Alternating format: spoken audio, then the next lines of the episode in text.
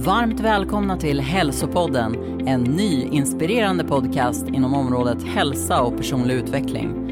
Jag som driver Hälsopodden heter Emma Bojemyr och arbetar som coach. Jag kommer att träffa de främsta personerna inom sitt område och ställa de frågor som du undrar över. 2024 får Hälsopodden en sprillans ny partner. Och vilka passar inte bättre att tillsammans med mig få rama in säsong två än Elixir Pharma? Ett svenskt kosttillskottsföretag som grundades år 2000 av före detta elitbrottaren Jimmy Månsson som nu driver företaget tillsammans med sin fru Heidi. Precis som för mig ligger hälsa och välmående högt upp på agendan för Elixir Pharma och att få dela med sig av tips för en mer hälsosam vardag till sin community. Pisha Strindstedt. Hon är en av Sveriges mest populära träningsprofiler som medverkat som personlig tränare i Biggest Loser, skrivit träningsböcker, driver gym och arrangerat träningsresor. I det här avsnittet pratar vi om motivation. Är det viktigt för att få resultat? Och vad är egentligen en rimlig målsättning om man vill förbättra hälsan? Ja, Pisha delar med sig av sina erfarenheter av att ha coachat flera hundratals personer till en bättre hälsa. Lyssna in det här avsnittet och få inspiration du med. Varmt välkommen till hälsopodden Pisha! Tack snälla! Vilken ära att få vara här. Så roligt att vi äntligen fick till det du och jag. Ja men verkligen, vi, vi har försökt ett tag. Ja men precis, och den som väntar på något gott den eh, väntar ju alltid länge. Ja, verkligen. Hur mår du? Jo, men jag mår jättebra. Jag eh, känner mig väldigt redo för att få lite eh, ledighet. Eh, nu har det varit en väldigt intensiv period med mycket resor, träningsevent, eh, välgörenhetsgalor. Så att eh, fitnessfestivalen, allt som har, som har varit nu senaste tiden. Så att det, det känns väldigt skönt att eh, kunna få gå på lite lugnare pace eh, och sen starta året starkt. Härligt. Det låter som att du befinner dig i ett bra flow ändå. Ja, det, jag känner så här, det finns inget annat val än att liksom haka på och bara köra på med, med farten som är just nu. Ja, Men så länge som jag tänker så att man får ett stopp på det, alltså man vet att det finns liksom en, eh, en det kommer en paus, då är det okej att man har lite mer att göra i perioder. Det kan ju vara väldigt kul och givande också. Ja, men visst är det det. Och så länge som det följs av den här återhämtningen så att man hinner liksom hämta igen krafterna och ladda om och sen skjuta av igen. Precis. Mm. Men hur är det nu? Vart befinner du dig? Just nu är jag hemma i Portugal. Eh, det här har ju blivit mitt andra hem kan man säga sedan eh, två år tillbaka. Jag jobbar ju fortfarande i Sverige så att jag är många och ofta skulle jag väl ändå säga ganska ofta i Sverige och gör olika projekt och, och arbeten. Eh, men basen är väl Portugal nu skulle jag säga. Så härligt. Så att du har liksom varmt varje dag och sommar året om? Alltså, vi har ju vinter här nu också, och nu, men jag har precis kommit tillbaka från Sverige där det har varit jättemycket snö, kallt, ja, men frosta, ja, men vad heter det, när man skrapar bilen på morgonen. Eh, och det är ju kallt liksom. och sen så kommer man hit och bara, åh vad kallt det är. Men det är ju liksom 15, 15-17 grader, det är ju inte kallt liksom. Men det är kallt för att vara här. Jag förstår. Du får ändå de här skillnaderna mellan årstiderna, fast inte lika extremt som i Sverige. Exakt, precis. Och sen det härliga, det som, som är, jag förknippar vintern här med, det är att det är väldigt många som börjar eh, ja, men, eh, tända brasor. Eh, i, de värmer sina hus för att här har man liksom inte alls samma sätt att bygga hus på. Så att här är ju liksom, det är mycket kallare inomhus än vad det är utomhus. Ibland så kan jag liksom ja, men gå runt med så dubbla strumpor och liksom lager på lager och bara så här, gud vad kallt det är idag. Så tar jag på mig massa mer, går ut och börjar svettas. Eh, så att här är liksom, här brassar man upp liksom braser och, och gör husen varma. Och den doften är för mig, alltså det är verkligen vinter här. Det är fantastiskt. Vad mysigt. Men har du alltid Mm. drömt om att bo i Portugal eller hur kom, hur kom den tanken till dig? Inte just Portugal eh, och, egentligen inget så här särskilt land som jag har varit så här, ja ah, dit ska jag flytta när jag är stor eller liksom när, när jag är redo. Utan jag har nog alltid trivts i det här klimatet. Jag har alltid trivts i ett varmare klimat. Jag har alltid älskat att ha nära till stränder och hav. Eh, och så här, egentligen har jag inte någonting emot av att alltså att det blir kallt som i Sverige med snö och liksom kyla, utan mest så är det liksom mörkret. Det är det jag inte riktigt eh, har mått så bra av när jag har ja, vuxit upp i Sverige och levt där hela mitt liv.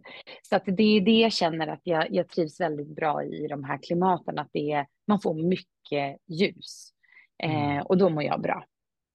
Jag förstår. Det Så där drömmen har är alltid helt funnits. avgörande för, hur man, för hur hälsan, alltså att man får det. Eh, det har ju ett helt avsnitt här när jag pratar om Fredrik Paul, med Fredrik Paulun om ljusets betydelse och han går ju verkligen in på detalj vad det här faktiskt gör med vår eh, upplevda hälsa och välmående. Så att det är dokumenterat ver verkligen viktigt med solljus. Jo, och det märker man ju också att det, alltså vissa personer kanske är mer känsliga mot det än andra, men jag kan ju verkligen märka att min energinivå, min kreativitet, eh, min ork, allt det har ju förändrats verkligen betydligt sen jag flyttade till, eh, till Portugal. Att liksom vintern för mig, den är inte jobbig. Ja, det är kyligt och jag längtar tills jag kan liksom ligga på stranden och, och eh, vara ute hela dagarna på ett annat sätt. Men, men eh, ljuset är här och jag känner att jag har inte alls den här vintertröttheten som man har fått när man har ja, men bott i Sverige. Det låter verkligen hälsosamt. Men du, många känner ju till dig eh, som också gymägare. Du drev ju, eller Workout Stockholm. Vad, mm. vad händer där? Finns det kvar? Är du med i gamet? Ja, men det var ju, när jag blev klar med min PT-utbildning så var ju egentligen kanske aldrig målet Alltså det är klart att man hade någon tanke om att åh vad häftigt det hade varit att ha sitt eget ställe dit folk kommer och tränar och Eh, men det började, ju, alltså workout började ju med utomhusträning. Det skulle vara liksom tillgängligt för alla, eh, både liksom åldrar och eh, att det inte skulle finnas ett behov av att direkt ha ett gym att gå till, utan workout skulle vara lekfullt och lättillgängligt.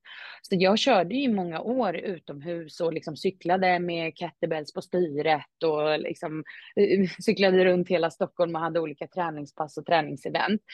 Eh, och trivdes med det väldigt länge. Men du vet, det är mycket vinter, det är mycket kallt, det är mycket mörkt liksom i Sverige under året. Och det gjorde ju att under vintertid så var det ju en stor önskan från de som tränade för mig att så här, gud det hade varit så nice om vi hade ett eget ställe att gå till. Och någonstans där då så väcktes ju idén att så här, men jag kanske ska börja kolla runt efter någon lokal. Eh, och 2017 så slog jag samman mig med eh, min egen tränare på den tiden och eh, vi eh, öppnade upp en liten PT-studio som eh, fortfarande finns kvar men eh, som är då mer fokuserad på elitidrottare och lite svårare cases och sådär. Eh, och där vi också samarbetar med, med andra, både föreningar och eh, naprapater.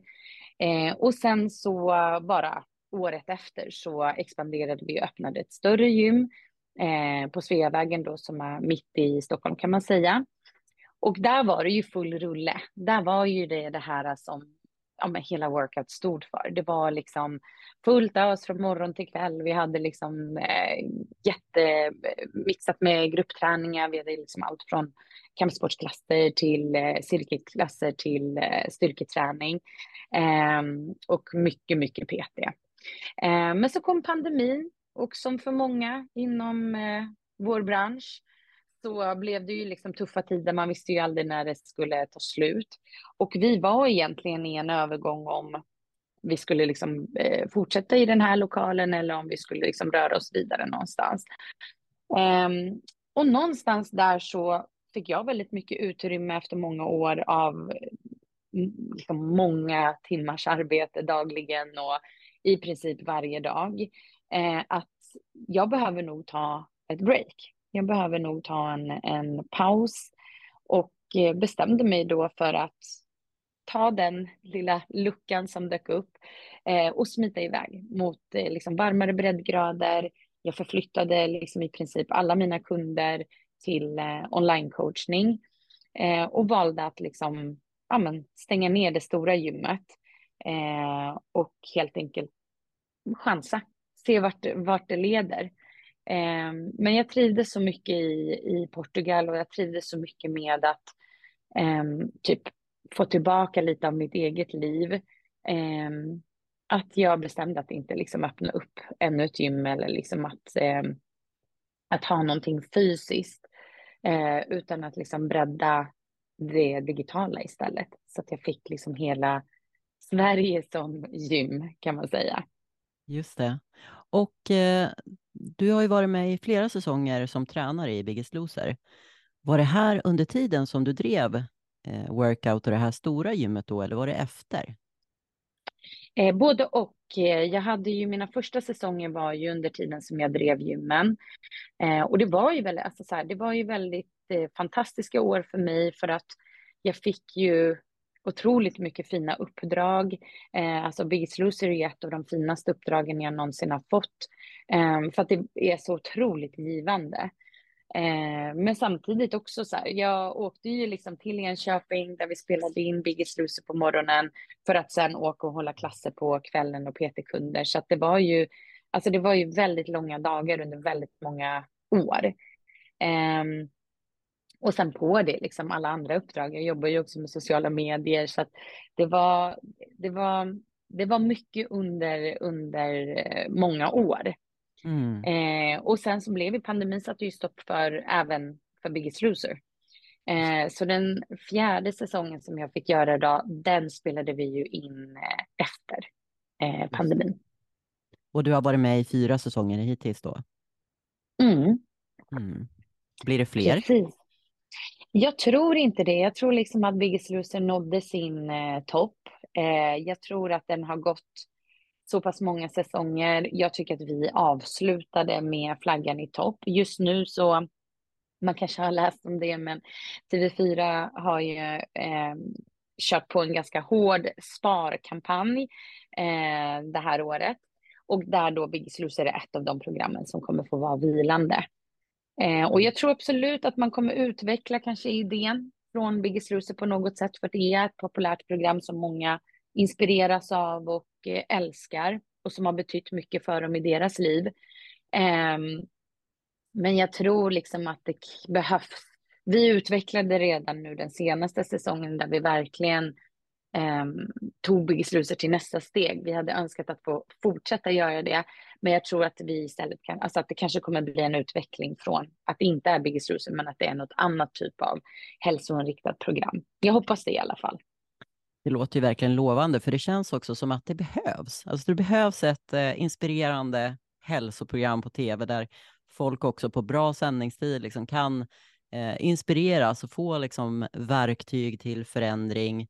För vi har ju den här konstanta eh, utmaningen med liksom stillasittande och ohälsa och psykisk ohälsa och allting som är liksom motsatsen till det man vill främja i programmet.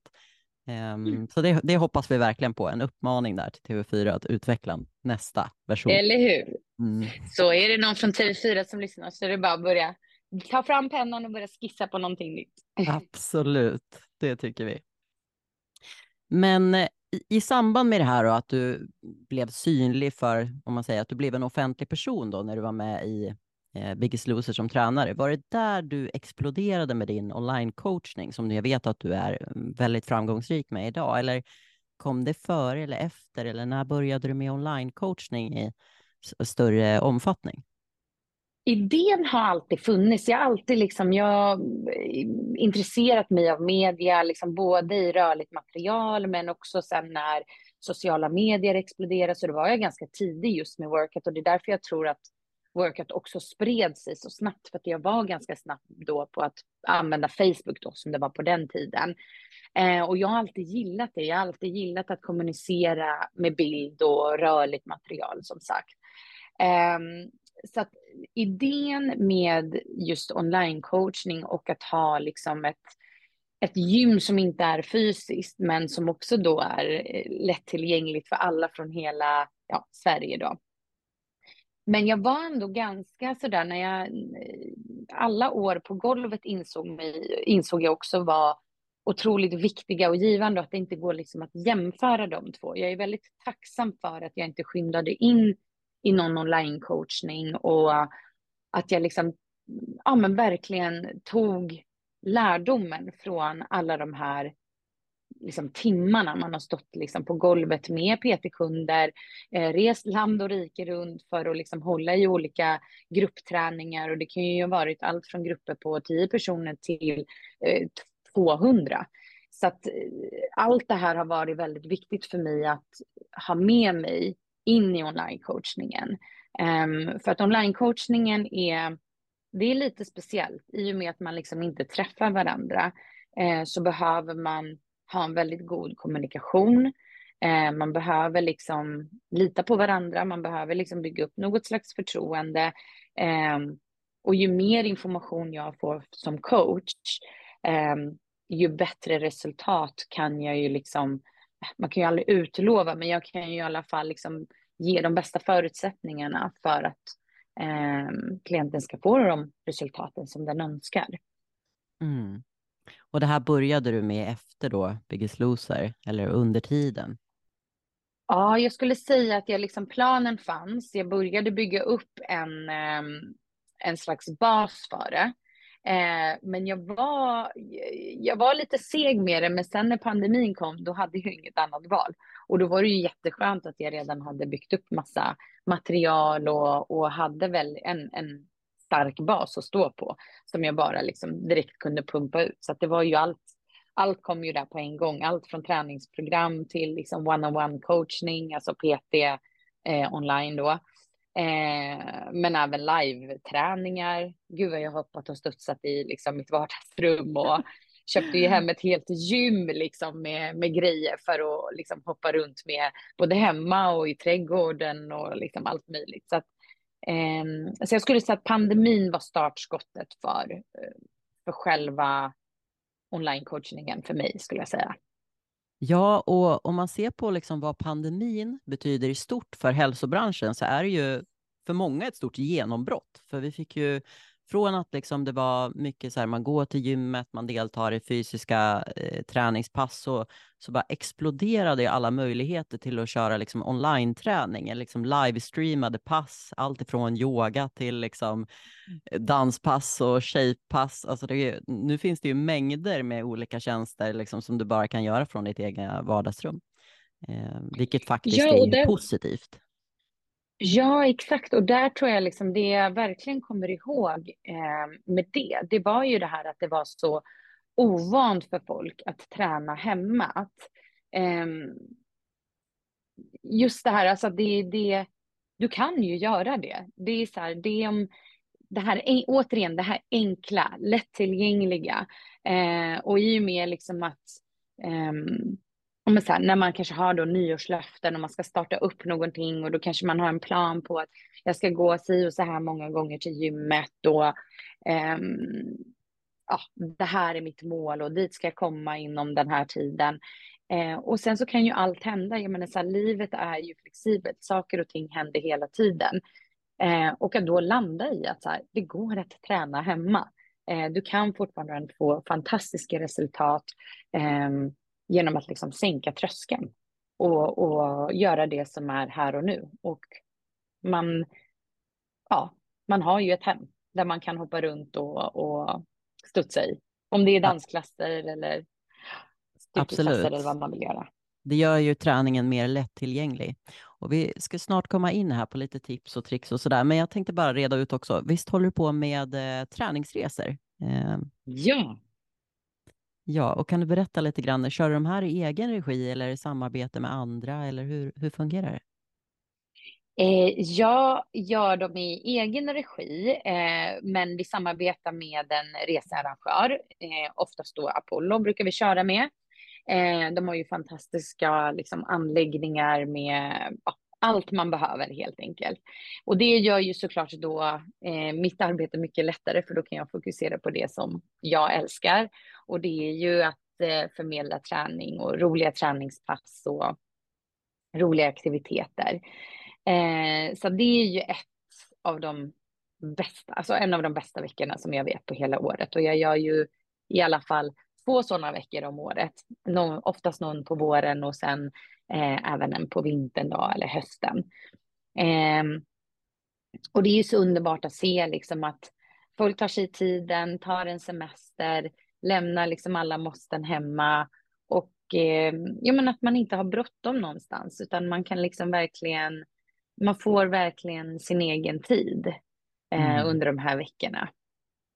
Kul, det ser helt underbart ut så jag är väldigt sugen på att haka på någon gång. Ja, men det hoppas jag att du gör. Det hoppas jag verkligen. Det får vi lova se till.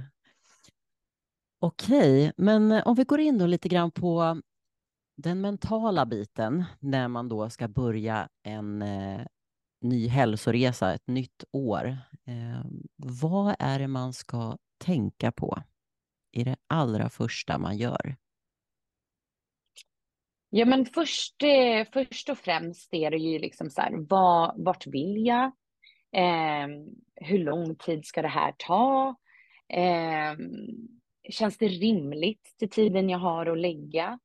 Eh, planera, kommunicera, liksom lever man, alltså har man en familj, eh, en familj med barn där barnen kanske har mycket aktiviteter, eh, då kanske det inte heller är rimligt liksom att om schemat redan är väldigt fullspäckat, att du ska addera mer saker, utan här behöver vi ju då kanske verkligen se över kalendern eh, med tillsammans med hela familjen och se så här, vart ska din tid finnas? Ehm, och vi säger så här att, ja men, det ser inte ut som att det finns en lucka för fem träningspass i veckan.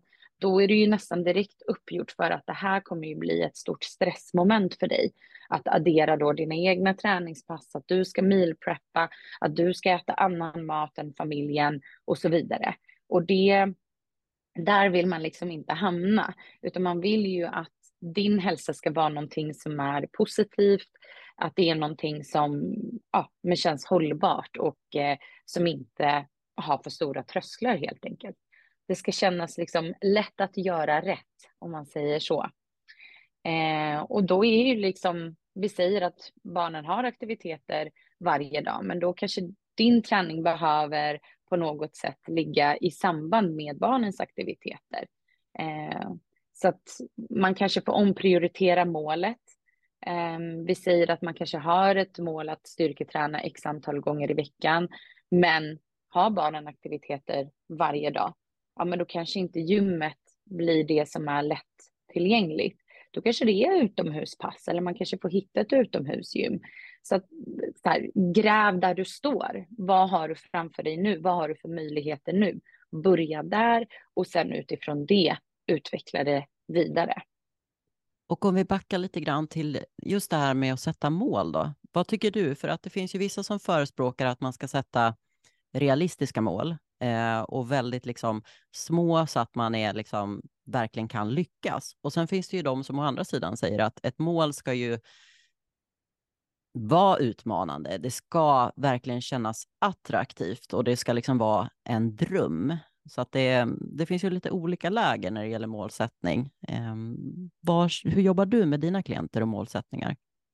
Alltså jag tänker ju att man kan ha väldigt många mål. Eh, man kan ha mål som är lite mer långsiktiga, som är lite mer utmanande. Eh, så tar man liksom en, en penna och ett papper och skriver ner de här sakerna eh, har jag som mål eller dröm. Eh, och sen så kan man ju också då kanske sätta en betygssättning från 1 till 10. Hur realistiskt är det här? Eller liksom, hur svårt är det här målet att nå?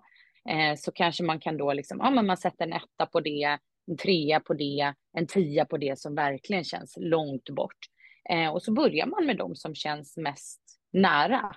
Eh, för jag menar, liksom, man vet ju att har man väl startat igång någonting, då är ju nästa steg mycket närmare än liksom det här första steget att starta upp. Det kan ju vara det absolut eh, svåraste. Brukar du backa dina klienter ibland och säga så här, nej men det där är inte ett bra mål för dig? Jag brukar aldrig säga att det inte är ett bra mål, eh, men däremot så är det också viktigt att man får testa sig fram. Eh, så att jag har ju absolut haft klienter, och det här är ju inte alls ovanligt, att man vill väldigt mycket och eh, särskilt kvinnor skulle jag säga, vilket jag tränar mycket kvinnor. Vi vill prestera i alla, på alla fronter. Eh, och där tycker jag verkligen att det är en röd tråd som går i, i just att så här, man vill vara den bästa liksom, vännen, man vill vara den bästa mamman, man vill vara liksom, fullt tillgänglig på jobbet och sen så sätter man alla de här höga målen som man ska hinna med. Um, där jag liksom så här, okej, okay, eh, hur planerar du din vecka? Hur ser den ut? Eh, och då har det inte alls varit ovanligt att någon liksom ibland säger, nej men nu ska jag, jag vill börja starkt för att annars vet jag att då blir det liksom för, för tråkigt eller så här, då är det lätt för mig att säga nej. Men om jag börjar starkt, då vet jag att så här, då kommer jag komma in i det. Och då brukar jag säga så här, absolut, varsågod testa, eh, men liksom också känn in och känn att det också är okej, att så här, det kanske inte kommer funka, men att det inte betyder att det är liksom svart eller vitt, att så här, okej, det är ett misslyckande, eh, då kan vi bara skita i allt. Eh, precis som att du skulle få punktering på ett däck på en bil, det går ju liksom inte att tajar alla däcken då, mm. eh, utan att så här, då behöver vi reparera och så behöver vi se över, reflektera, utvärdera och så här, det kanske var lite för hårt. Hur kan vi ändra om det? Och så börjar vi om igen. Um, och det är ju hela, det är ju det som är så roligt med mitt jobb, eh, att få följa människor på det sättet, men också se eh, framförallt varje individ liksom komma fram till sin egen plan och sin egen karta, eh, vart man är på väg och vilken väg man ska ta och så vidare. Ja, och ibland kanske det är en lärdom som behövs, alltså att man ser att okej, okay, det här var inte bra, det var inte hållbart, då kanske man blir öppen för alternativ eller lyssna in feedback eh, från sin tränare och så. Eh, men jag tänker också på de här klienterna som, eller personerna, eh, som liksom verkligen har skjutit upp sin hälsa och låter liksom både karriär och fam familj och allting annat komma före och kanske fått lite sådana här varningsklockor kanske hjärtrusningar, kanske någon har fått en hjärtinfarkt. Alltså det kan ju finnas sådana personer som verkligen liksom eh, nu, nu är det verkligen dags för mig. Nu måste jag ta tag i min hälsa och de kommer till dig och bara nu, jag vill gå ner 30 kilo. Eh, och det, det, kan ju också vara vanligt, tänker jag så här, Biggest Loser. De har ju liksom också mm. jätte, alltså de står ju på sin längst fram där på klippan och bara så här, nu, nu, nu faller jag om, om liksom jag inte tar mig i kragen och gör en radikal eh, livsförändring. Hur jobbar man med målsättning i de här fallen när det liksom är kniven på strupen, om man får säga så? Alltså pratar vi just liksom obesitas alltså vi pratar liksom en, en väldigt stor viktnedgång, då är ju liksom vikten eh, eller själva viktnedgången, det är ju det som är mest motiverande. Det är ju inte träningen och den fysiska aktiviteten. Så där behöver man ju separera saker och ting eh, och fokusera på maten.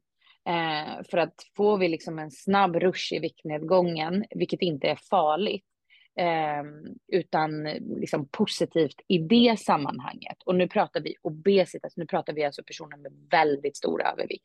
Där vill man liksom få ner vikten på så kort tid som möjligt. Mycket på så kort tid som möjligt. För att det är motiverande. Då börjar man ju liksom, de personerna eh, kanske inte har kunnat knyta skorna. De personerna kanske har haft problem att ta upp någonting från golvet.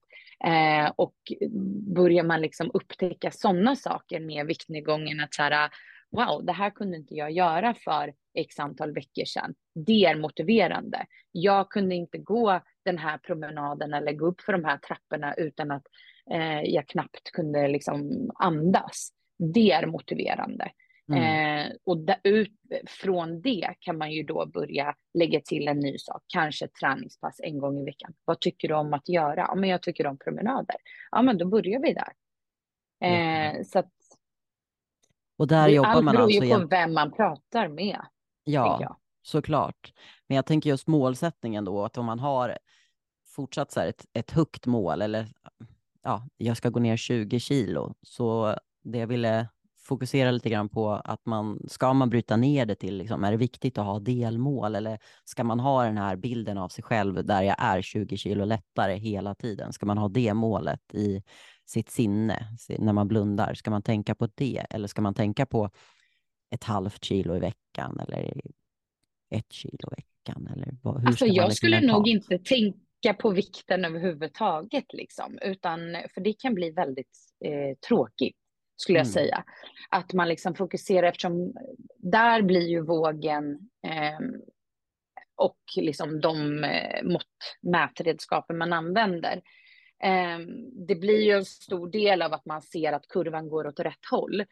Men eh, att bara titta på en våg eh, kan bli väldigt, väldigt eh, tröttsamt, Ehm, ja, tråkigt och till och med lite negativt. Så att här skulle man ju liksom vilja hitta andra saker. Just det här liksom, den här positiva feedbacken man får genom att man gör förändringar. Eh, att man går ner i vikt, man blir starkare, eh, man får bättre kondition, eh, man klarar saker man inte har klarat av tidigare. Alla de vinsterna är viktigare att fokusera på än att eh, dagligen liksom fira att man har gått ner x antal gram. Eh, sen är det ju bra att man har ett mål. Ja, men jag vill komma hit om sex månader.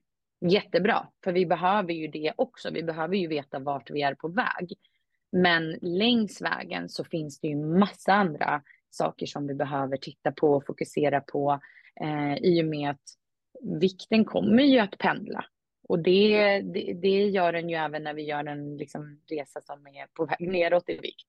Alltså det, det kommer ju gå upp vissa dagar och ner vissa dagar och det kommer ju vara liksom en, en, en eh, berg och dalbana. Eh, och det kan ju bli väldigt negativt om man bara tittar på det. Så här, nu går det ner, ner, ner, ner, ner och sen så kommer mensen till exempel och så går det lite upp och så blir det bara en krasch. Eller man liksom blir bjuden på någon fika eller vad fan som helst liksom. Och, och så får man ångest. Man, vill, man liksom utesluter sociala tillfällen för att jag ska ju minsann fortsätta gå ner i vikt. Jag tror liksom inte att det är en bra väg att gå på. Utan eh, lära sig att hantera sociala tillfällen, lära sig att inte behöva tacka nej eh, till saker och ting, men att göra saker medvetet och närvarande. Det är sånt som är roligare, tror jag, att fokusera på. Att lära sig och att se det som att det är en övning eh, och en del av resan. Ja, men kloka ord. Det känns som att man kan summera det som att det är jättebra att ha ett stort mål, eh, bryta ner i delmål, men att fokusera på andra saker längs vägen. Att inte fokusera så hårt på siffror, utan mer kanske träningspass, känslan, hur jag förändras i positiv bemärkelse. Stämmer Precis. det? Ja, ja, det skulle jag absolut säga är en jättefin sammanfattning. Elixir Pharma är ett svenskt kosttillskottsföretag som grundades år 2000 av före detta elitbrottaren Jimmy Månsson. De tillverkar kosttillskott och vitaminer för livets alla faser och cykler, både för dig och för alla du tycker om för att ge en mer positiv effekt på hälsan. De finns helt enkelt för alla de tillfällen när livet kommer emellan och du behöver en knuff i en ny riktning. Elixir Pharma har kosttillskott för hela livet.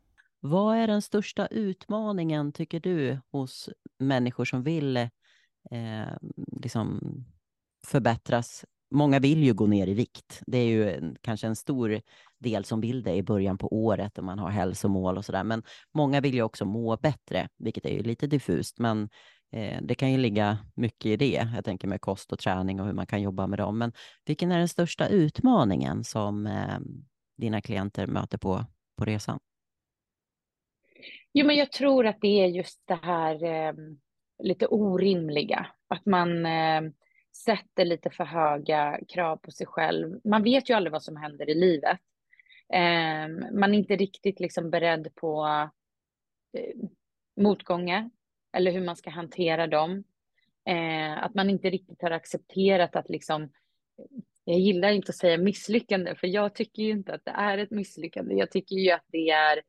Eh, livet. Livet, Ja, jag tycker det är, liksom, det är där det händer. Det är, det är liksom inte i successen som, som, eh, som lärdomen kommer, utan det är ju liksom alla de här sakerna som inte blev som man hade tänkt sig. Det är ju där man har lärt sig eh, som mest om sig själv.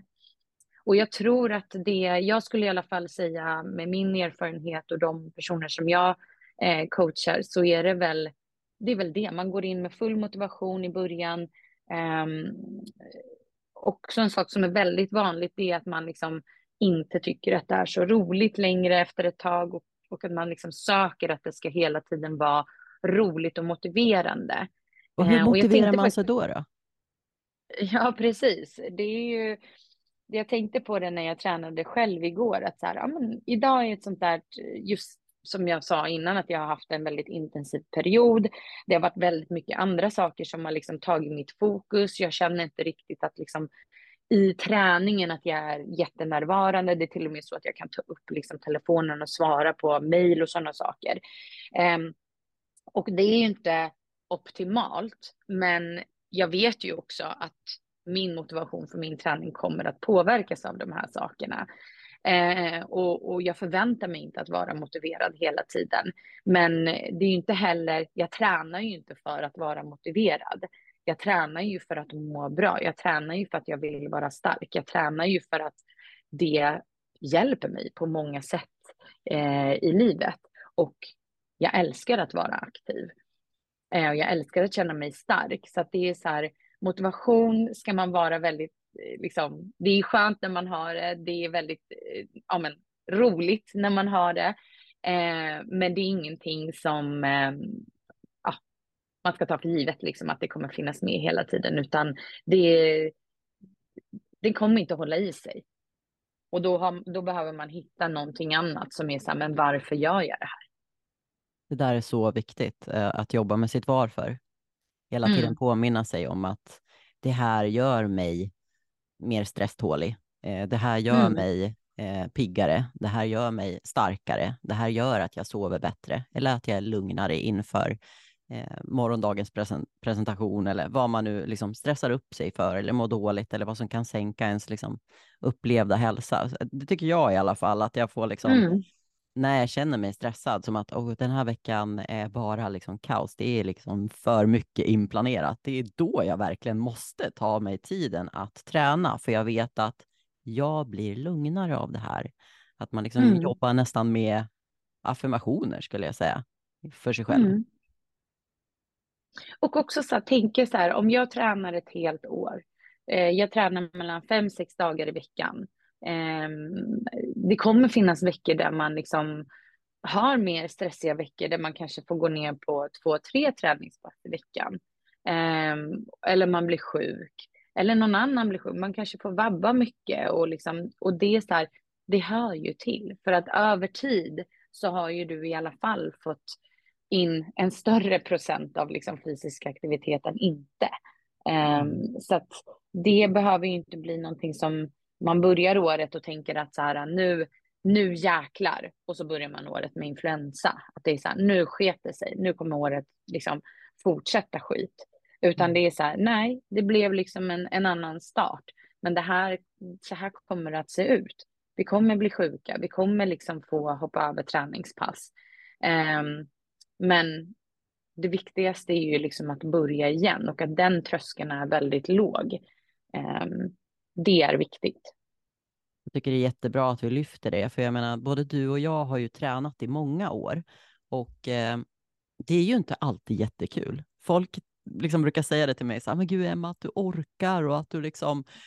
Jag menar, nu har jag tre barn. Eh, det hade jag inte för fem och ett halvt år sedan, eh, så då hade jag liksom lite mer options när jag kunde träna och sådär. Men nu är det verkligen, får jag en chans, då tar jag den. Liksom. Jag har en löpvagn som eh, jag kan liksom stoppa ner Eh, ett barn i och eh, ta den tiden när de behöver sova eller eh, när helst det kan passa. Och då känner jag liksom att så här, det är ett måste för mig. Det är som att borsta tänderna. Att gör inte jag det här, då orkar inte jag med tre barn. Då orkar inte jag med mitt företag. Alltså det är lite grann som att borsta tänderna. Det är inte alltid jättekul och det känns liksom, måste jag göra det här? Ja, det är viktigt med god munhälsa och det är lite samma sak med kroppen. Liksom att gör inte jag de här korta passen två gånger i veckan, ja men då pajar ryggen eller då får jag ont i axlarna. Alltså det är, det är liksom att hålla kroppen i god rutin. Eh, och det är inte alltid kul, men jag vet att det är viktigt och att det får mig att må bra. Jag tänker att det är det man måste nästan landa i, i sin motivation, att det går upp ja, och ner. Och jag tänk, ja, precis. Och jag tänker liksom det du säger är att här, du och jag älskar ju träning. Alltså mm. det är ju egentligen ingenting som kanske är, även fast vi har pass som inte känns motiverande eller inte känns roliga, eh, så är de ju fortfarande givande. Och vi har ju kommit så långt i våran träning, för vi har så pass många timmar träning i ryggen. Eh, så vi vet det. Vi är liksom, för oss att sluta träna, eh, det skulle ju vara som att förlora någonting väldigt stort och värdefullt. Men alla är ju inte så, alla älskar ju inte träning.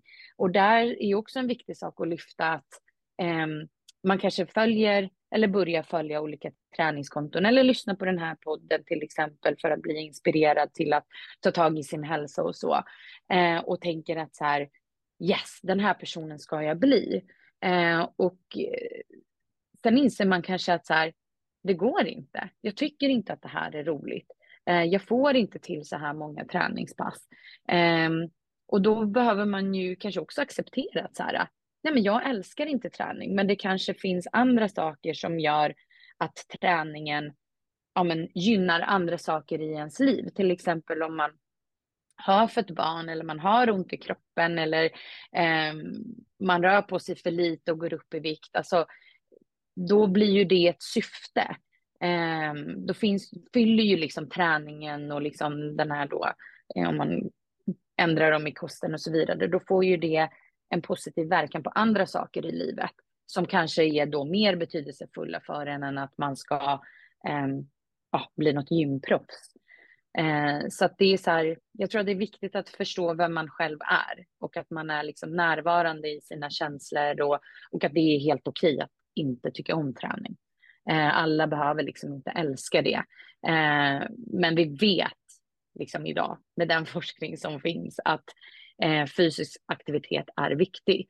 Men också att inte blanda ihop att så här, träna så som du och jag önskar att träna är långt ifrån, verkligen långt ifrån det man behöver för en god hälsa. Det krävs väldigt lite för att man ska ha en god hälsa.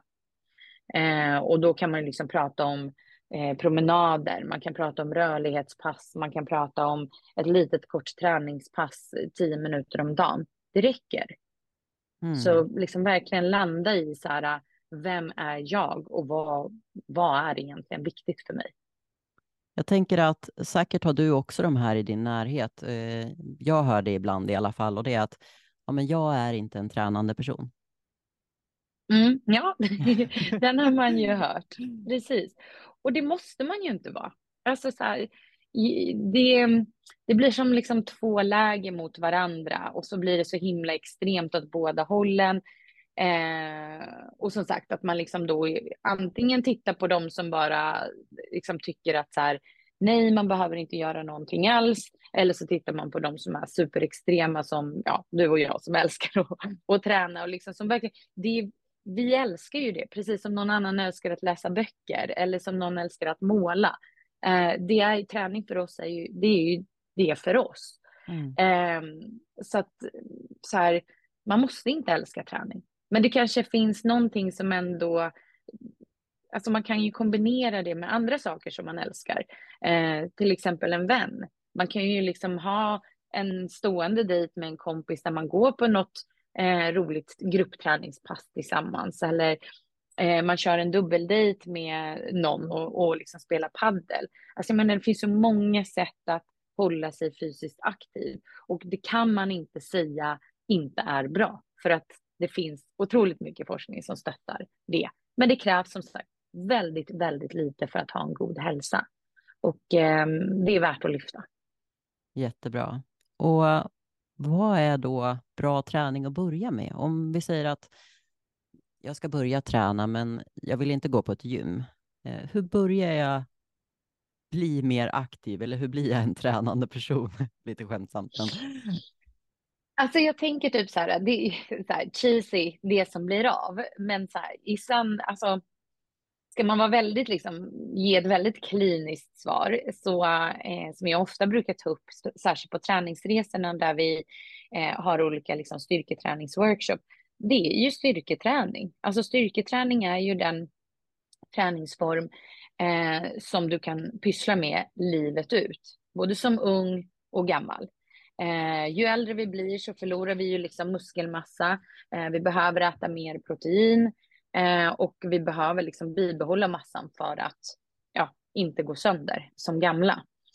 Eh, så har man målet att bli gammal och leva länge och få ut mycket av livet, då är det ju styrketräning. Och då är det så här, vad är styrketräning? Och där tycker jag att många eh, kanske blandar ihop då övningar som man ser på Instagram och diverse liksom, eh, sociala mediesajter med rörelser.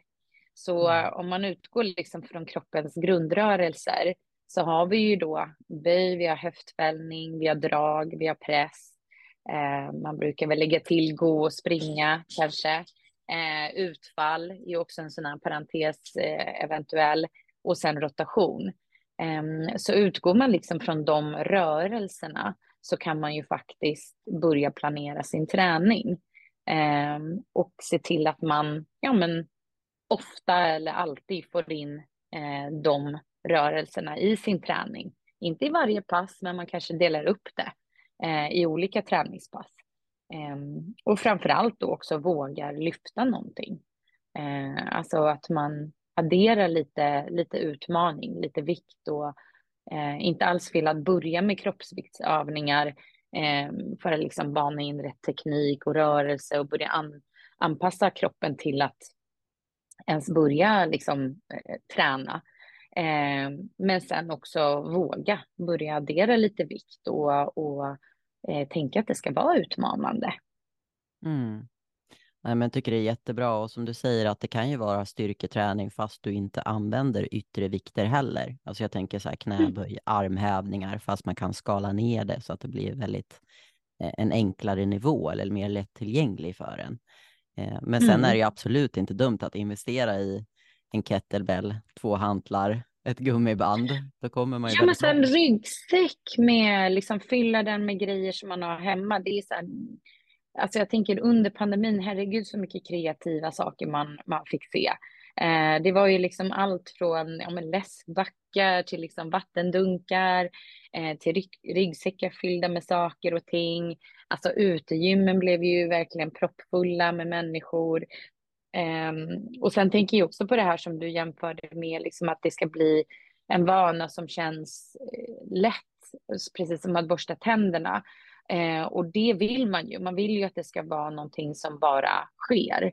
Eh, men sen också att ha med i bakhuvudet att så här, i jämförelse med att borsta tänderna och faktiskt bege sig ut på ett träningspass, alltså det kommer vara väldigt jobbigt. Alltså det är ju mycket jobbigare att träna eh, och eh, liksom ligga på höga liksom pulsnivåer där man helst bara liksom huvudet bara bombar dig med, med känslor och tankar om att du ska sluta för att det är jobbigt.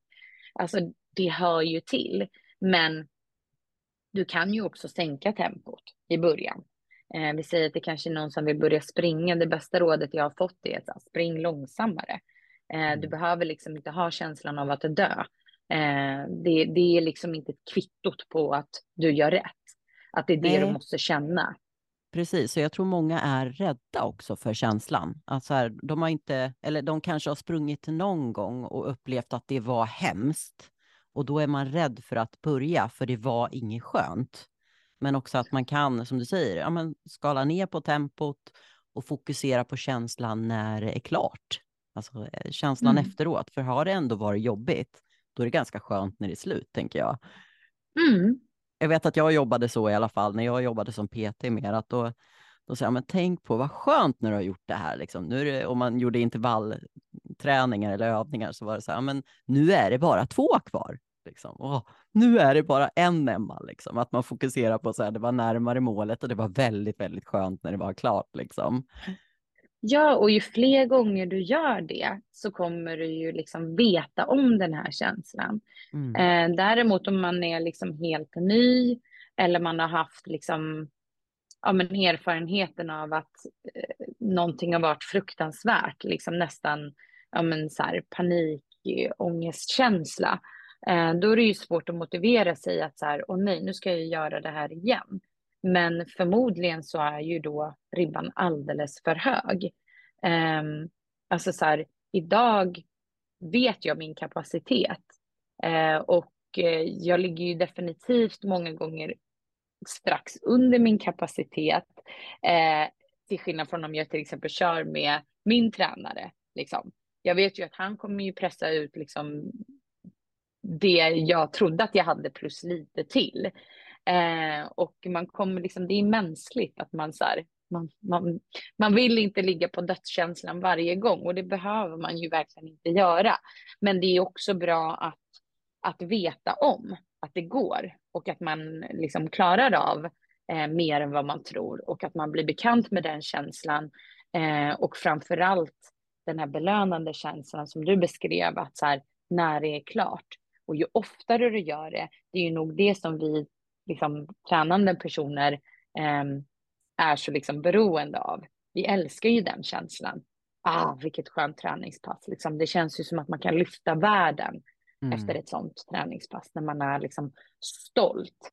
Um, och jag menar den här stoltheten kan ju handla allt ifrån att man liksom lyfte någonting väldigt tungt eller man sprang snabbare än vad man hade tänkt sig eller att liksom, man tog sig till gymmet eh, en dag där man bara kände att fasiken vad jag hade velat göra någonting helt annat. Ja, absolut. Och då blir det, det, det den stora belöningen att så här, I did it. Mm, exakt. Mm. Och jag älskar också hur liksom det här effekten av träning, hur det spiller över på alla andra områden i livet.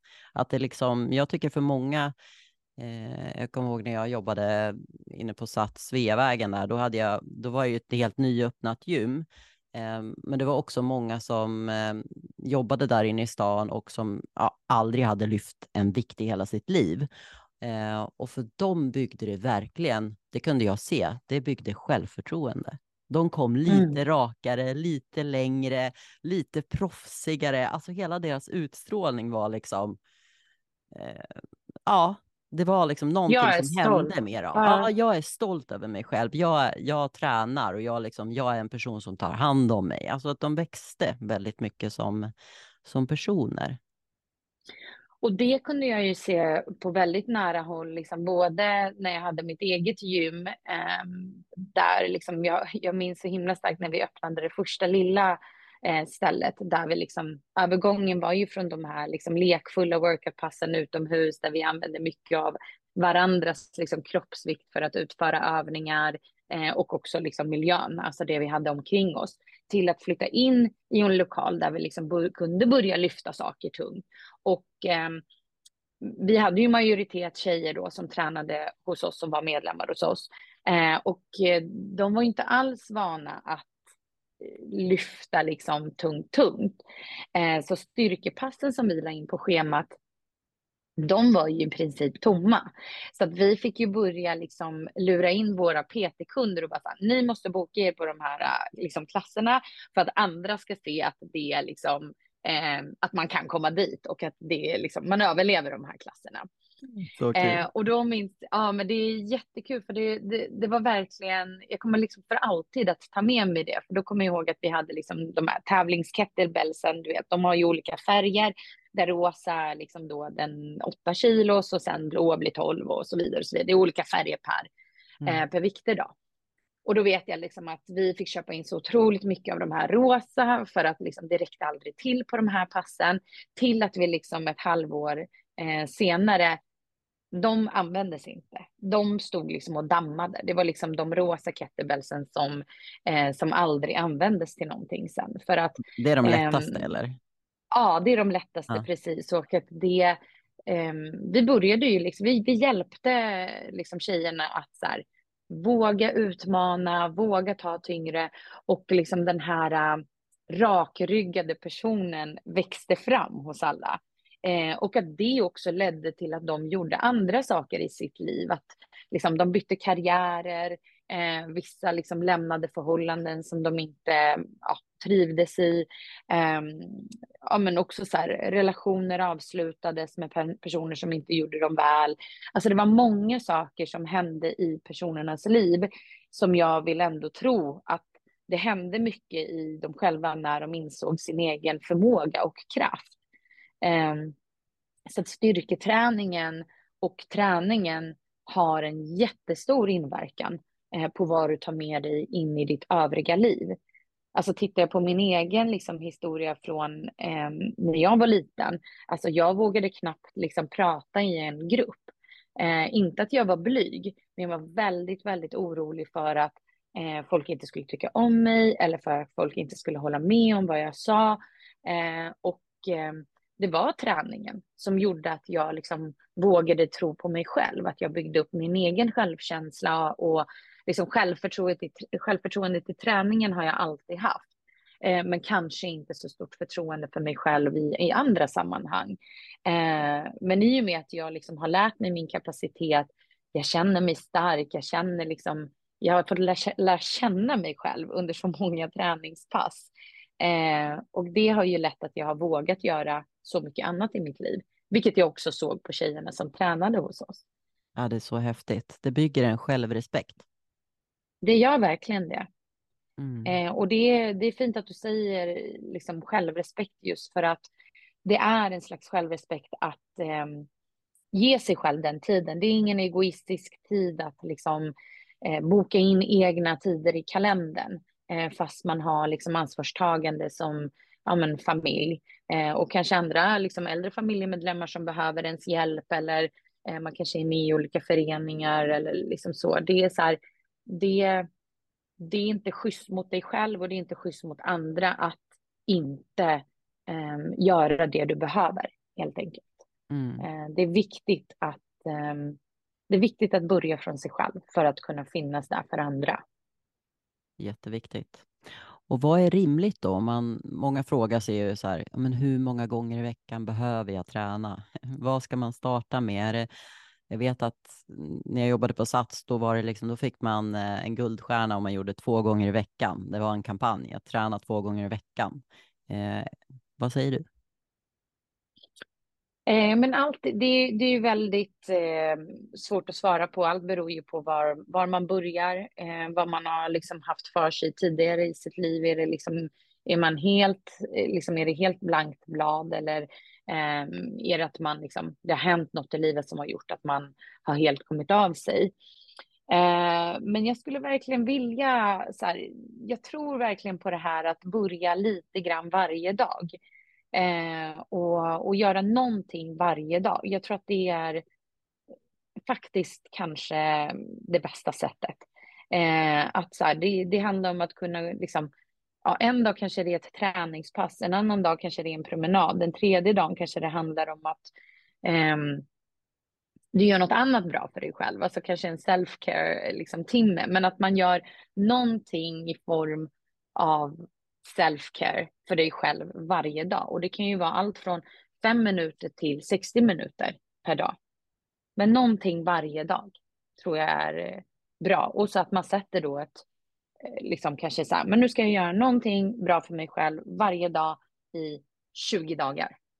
Mm. Och så liksom har man en kalender framför sig, man har planerat vad man ska göra och sen bara bockar man av. För det kan också vara väldigt tillfredsställande att se och ha det framför sig, att man liksom visuellt kan se att så här, jag närmar mig dag 20 och jag har nu gjort 13 dagar av self-care. Jag har gjort 13 dagar av någonting som jag mår bra av. Mm. Eh, och också då stanna upp och utvärdera och reflektera vad det faktiskt ger ut till din omgivning. Det är ju många som hakar på de här eh, stegutmaningarna. Gå 10 000 steg varje dag. Är det en bra grej att starta med? Men alltså absolut, om man tycker om att gå och man tycker att det känns eh, som någonting eh, man, ja, som känns lätt. Why not?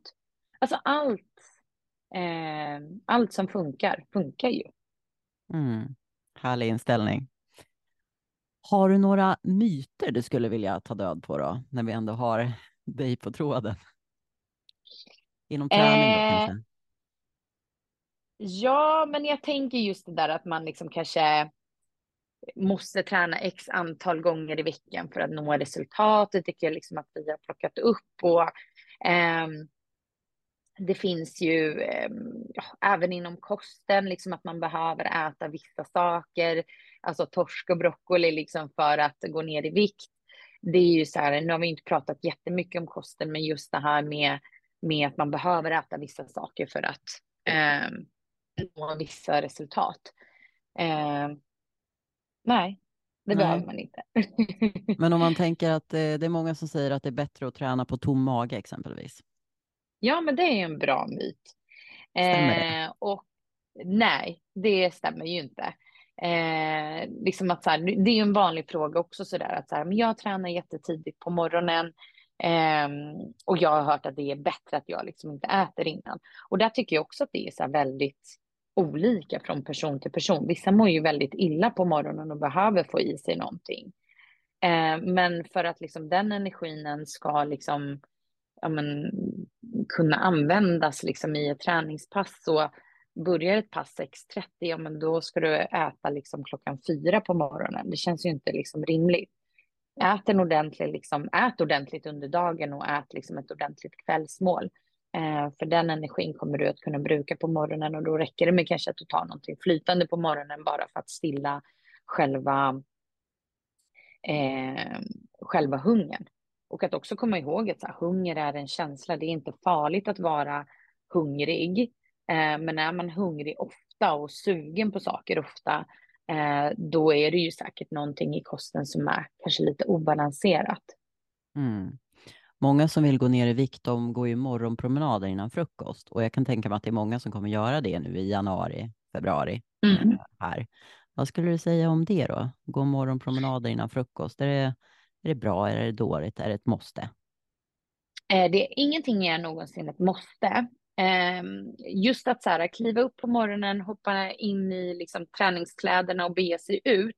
Det skulle jag säga är en väldigt bra vana. Alltså det är en god idé för att det startar ju dagen på ett visst sätt. Det kanske också leder till att du sen väljer en frukost som är mer hälsosam. Ehm, just den där liksom lilla hungern man känner då efter en morgonpromenad kan ju göra att man så här, ja men man vill fortsätta liksom det här braiga alltså som man startade dagen med. Eh, många väljer ju liksom periodisk fasta i en sån här liksom fråga som också ofta dyker upp. Eh, är periodisk fasta bra? Ja, det beror ju på. Kör du ett träningspass 6.30 på morgonen och ska inte äta förrän klockan 12? Nej, jag skulle inte säga att det kanske är det optimala för dig då. Men är det så att du inte tycker om att äta frukost, eh, du tränar på eftermiddagen eller mot kvällen och eh, ja, vill börja äta senare för att det kommer göra att du äter generellt mindre liksom, kalorier om målet är viktnedgång över dagen. Kanon! Så att det är så här, återigen alltid liksom gå tillbaka till sig själv. Vem är jag? Vad är mitt mål? Eh, vad kommer funka för mig? Mm. En till sån här myt som ofta florerar, det är ju promenader bränner mer fett än annan träning. Sant eller falskt? Eh, ja, alltså så här, vi säger att du springer du intervaller så kommer ju det kräva mer energi från dig. Håller du på med någonting i en lägre intensitet över längre tid så ja, kommer du ju förmodligen bränna liksom eh, mer på det. Men, eh, men det säger ju inte att det ena är bättre än det andra. Allt är liksom, eh, vad heter det, ja, beror ju på vem det är som frågar och vad målet är. Mm. Och en annan är ju, ja men du kan inte göra samma träning varje vecka för då kommer resultaten att utebli. Till exempel någon som springer fem kilometer eh, två gånger i veckan, samma runda. Måste de förändra någonting eller vad säger du? Jo, men det beror ju också på. Alltså så här, vad, är mi, vad är mitt mål? Vill jag utvecklas? Vill jag springa mina fem kilometer snabbare? Vill jag liksom eh, börja springa längre? Eh, ja, allt beror ju på. Eh, sen är det ju så här, så här, vill man hela tiden utvecklas, vill man liksom bygga mer muskler, vill man bli starkare, ja, då kommer man också att behöva utmana sig själv. Jättebra. Och det där tycker jag också att det är viktigt att lyfta, för jag menar, den som har en rutin som fungerar, som man mår bra av och som gör att man kan upprätthålla en god hälsa, ja, men då kanske det inte finns något incitament till att du behöver börja springa mera backar eller att du behöver sikta mot en mil. Eh, för den kanske det räcker att springa då fem kilometer om de upplever att de mår bra över det, så man behöver inte skapa liksom skuld och skam att de inte tar sin träning ännu längre, eh, utan att det faktiskt är okej. Okay. Sen som du säger att har man som målsättning att man ska springa Göteborgsvarvet eller Stockholm Marathon, ja men då kanske det inte räcker att springa samma runda fem kilometer, utan då måste man ha lite mer progression i träningen. Mm, exakt. Mm. Är det någon annan myt kopplat till eh, träning eller mindset som du ofta får höra? Inget som jag kommer på nu, men eh, det kanske kommer in lite myter efter det här avsnittet som någon vill att vi svarar på. Ja, men det kanske det gör Pisha och eh, det är bra för då får jag en anledning till att bjuda in dig till hälsopodden igen, för det har varit så trevligt att prata med dig. Detsamma, det har varit jättekul att, att få vara här och jag hoppas att det här avsnittet eh, ja, men kan få folk att tänka lite mer eh, enkelt och accepterande kring sin egen hälsa eh, och att man liksom ja, men börjar där man står. Mm. Och inte där någon annan står. Viktigt. Tänka på sin egen resa. Ja, precis. Vad händer under 2024 för dig? Under 2024 eh, så kommer jag fortsätta med min onlinecoachning. Eh, vi, eh, vi ser då, jag har ju ett eh, team som jag jobbar med. Vi har eh, utvecklat vår onlinecoachning lite grann och startar upp ett annat typ av upplägg där vi liksom koncentrerar eh, kurstiden, om vi kan kalla det för det, till en lite mer eh, tajtare tid. Eh, det blir träningsresor.